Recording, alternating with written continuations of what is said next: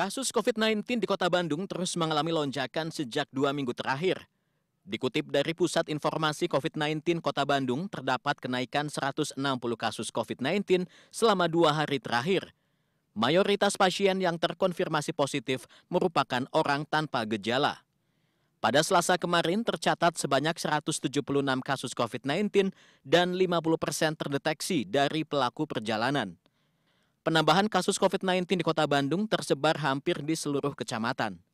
Kalau eh, persiapan tentunya kita eh, karena berdasarkan apa eh, instruksi dari pusat bahwa dan informasi juga bahwa omikron ini kan eh, relatif apa memang penyebaran cepat tapi tidak tidak bergejala berat sehingga eh, kita minta di 30 kecamatan yang ada di Kota Bandung semua menyiapkan isolasi mandiri sehingga tidak membebani rumah sakit lah gitu. Dan alhamdulillah kemarin ada enam eh, isolasi terpadu di eh, BPSDM Jawa Barat semua juga udah sehat dan semua juga sudah yang enam itu sudah vaksin.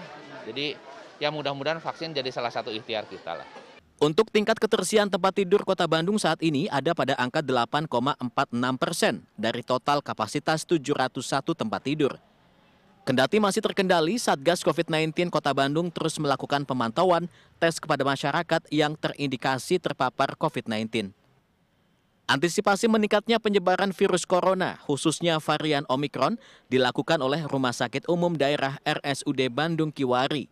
Sebagai rumah sakit rujukan COVID-19 di Kota Bandung, pihak rumah sakit telah menyiapkan 250 sampai 300 ruang isolasi. Rabu 2 Februari, RSUD Bandung Kiwari tengah merawat 5 pasien COVID-19. 250 sampai 300 itu kalau di eh, apa namanya situasinya menjadi menjadi darurat gitu ya. Saat ini kita siapkan tetap satu lantai kira-kira di 50 sampai 60 tempat tidur untuk eh, belum kita utik-utik. Jadi yang lain sudah pelayanan normal, yang satu lantai tetap kita uh, peruntukan untuk COVID.